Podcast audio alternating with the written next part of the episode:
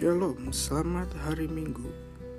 Firman Tuhan pada pagi hari ini terambil dari kitab Lukas pasal 6 ayat 37 sampai dengan 38 yang menyatakan demikian.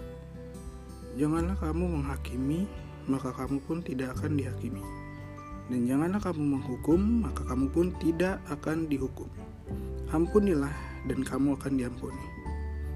Berilah dan kamu akan diberi suatu takaran yang baik, yang dipadatkan, yang digoncang dan yang tumpah keluar akan dicurahkan ke dalam ribaanmu.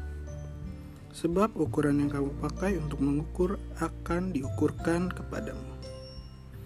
Teman-teman teruna yang dikasih Tuhan Yesus, teman-teman pasti mengenalkan sama salah satu sosok artis yang bernama Agnes Monica atau yang lebih kenal dengan nama Agnes Mo. Dia adalah salah satu artis terkenal yang ada di negeri ini, di Indonesia. Dia memiliki talenta yang luar biasa banget. Dan dalam sebuah video yang diunggahnya pada bulan Desember 2019 lalu, dengan mengacu pada ayat Alkitab, Agnes Mo mengatakan demikian. Tempat kita di dunia ini bukan untuk menghakimi orang lain. Karena itu bagian Tuhan. Bagian kita adalah menginspirasi, mengasihi, mengampuni, tidak membicarakan orang lain, dan fokus untuk meningkatkan kemampuan diri untuk melakukan yang terbaik.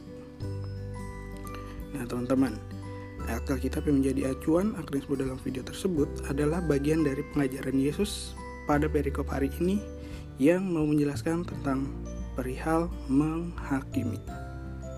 Tuhan Yesus mengajarkan kepada kita bahwa kita tidak boleh untuk menghakimi orang lain, Sebab ukuran untuk menghakimi orang lain yang akan dipakai untuk melakukan hal yang sama kepada kita.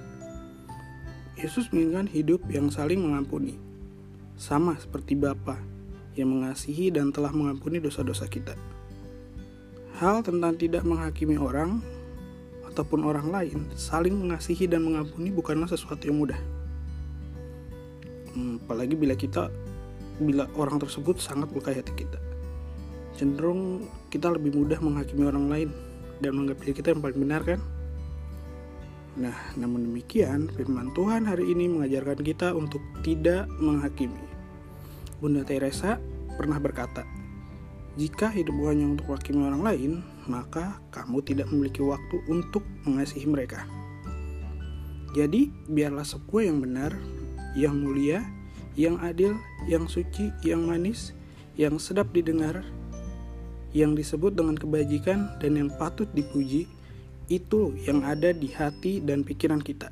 Seperti yang tertulis dalam Filipi pasal 4 ayat 8 jangan menyimpan iri dan dengki yang memicu kita untuk selalu mau menghakimi. So mari teman-teman teruna kita mau melakukan kehendak Tuhan dengan taat supaya hidup kita diberkati Tuhan dan menjadi berkat bagi sesama.